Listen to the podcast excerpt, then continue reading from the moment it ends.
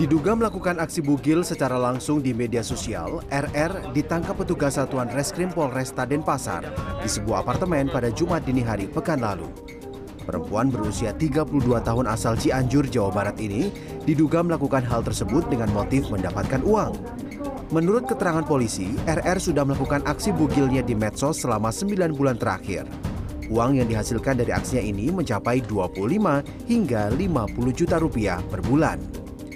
Dalam penangkapan itu, polisi menyita sejumlah barang bukti seperti telepon seluler beserta kartunya, kartu ATM, dan alat peraga yang digunakan saat beraksi.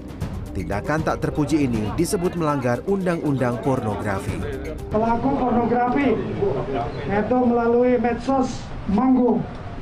Modus operandinya dengan cara mempertontonkan aurat atau telanjang bulat ya. Secara live pada medsos manggo tadi. Kronologis kejadian ya. Jadi pada saat uh, kita mendapatkan informasi tentang adanya live kita langsung melakukan penggerebekan di lokasi. Pada jam 02.00 saat si pelaku live langsung kita lakukan penangkapan Atas perbuatannya, RR dapat dijerat dengan pasal berlapis Undang-Undang Pornografi dan Undang-Undang ITE dengan ancaman hukuman paling lama 12 tahun penjara. Nanang Astika, Denpasar, Bali.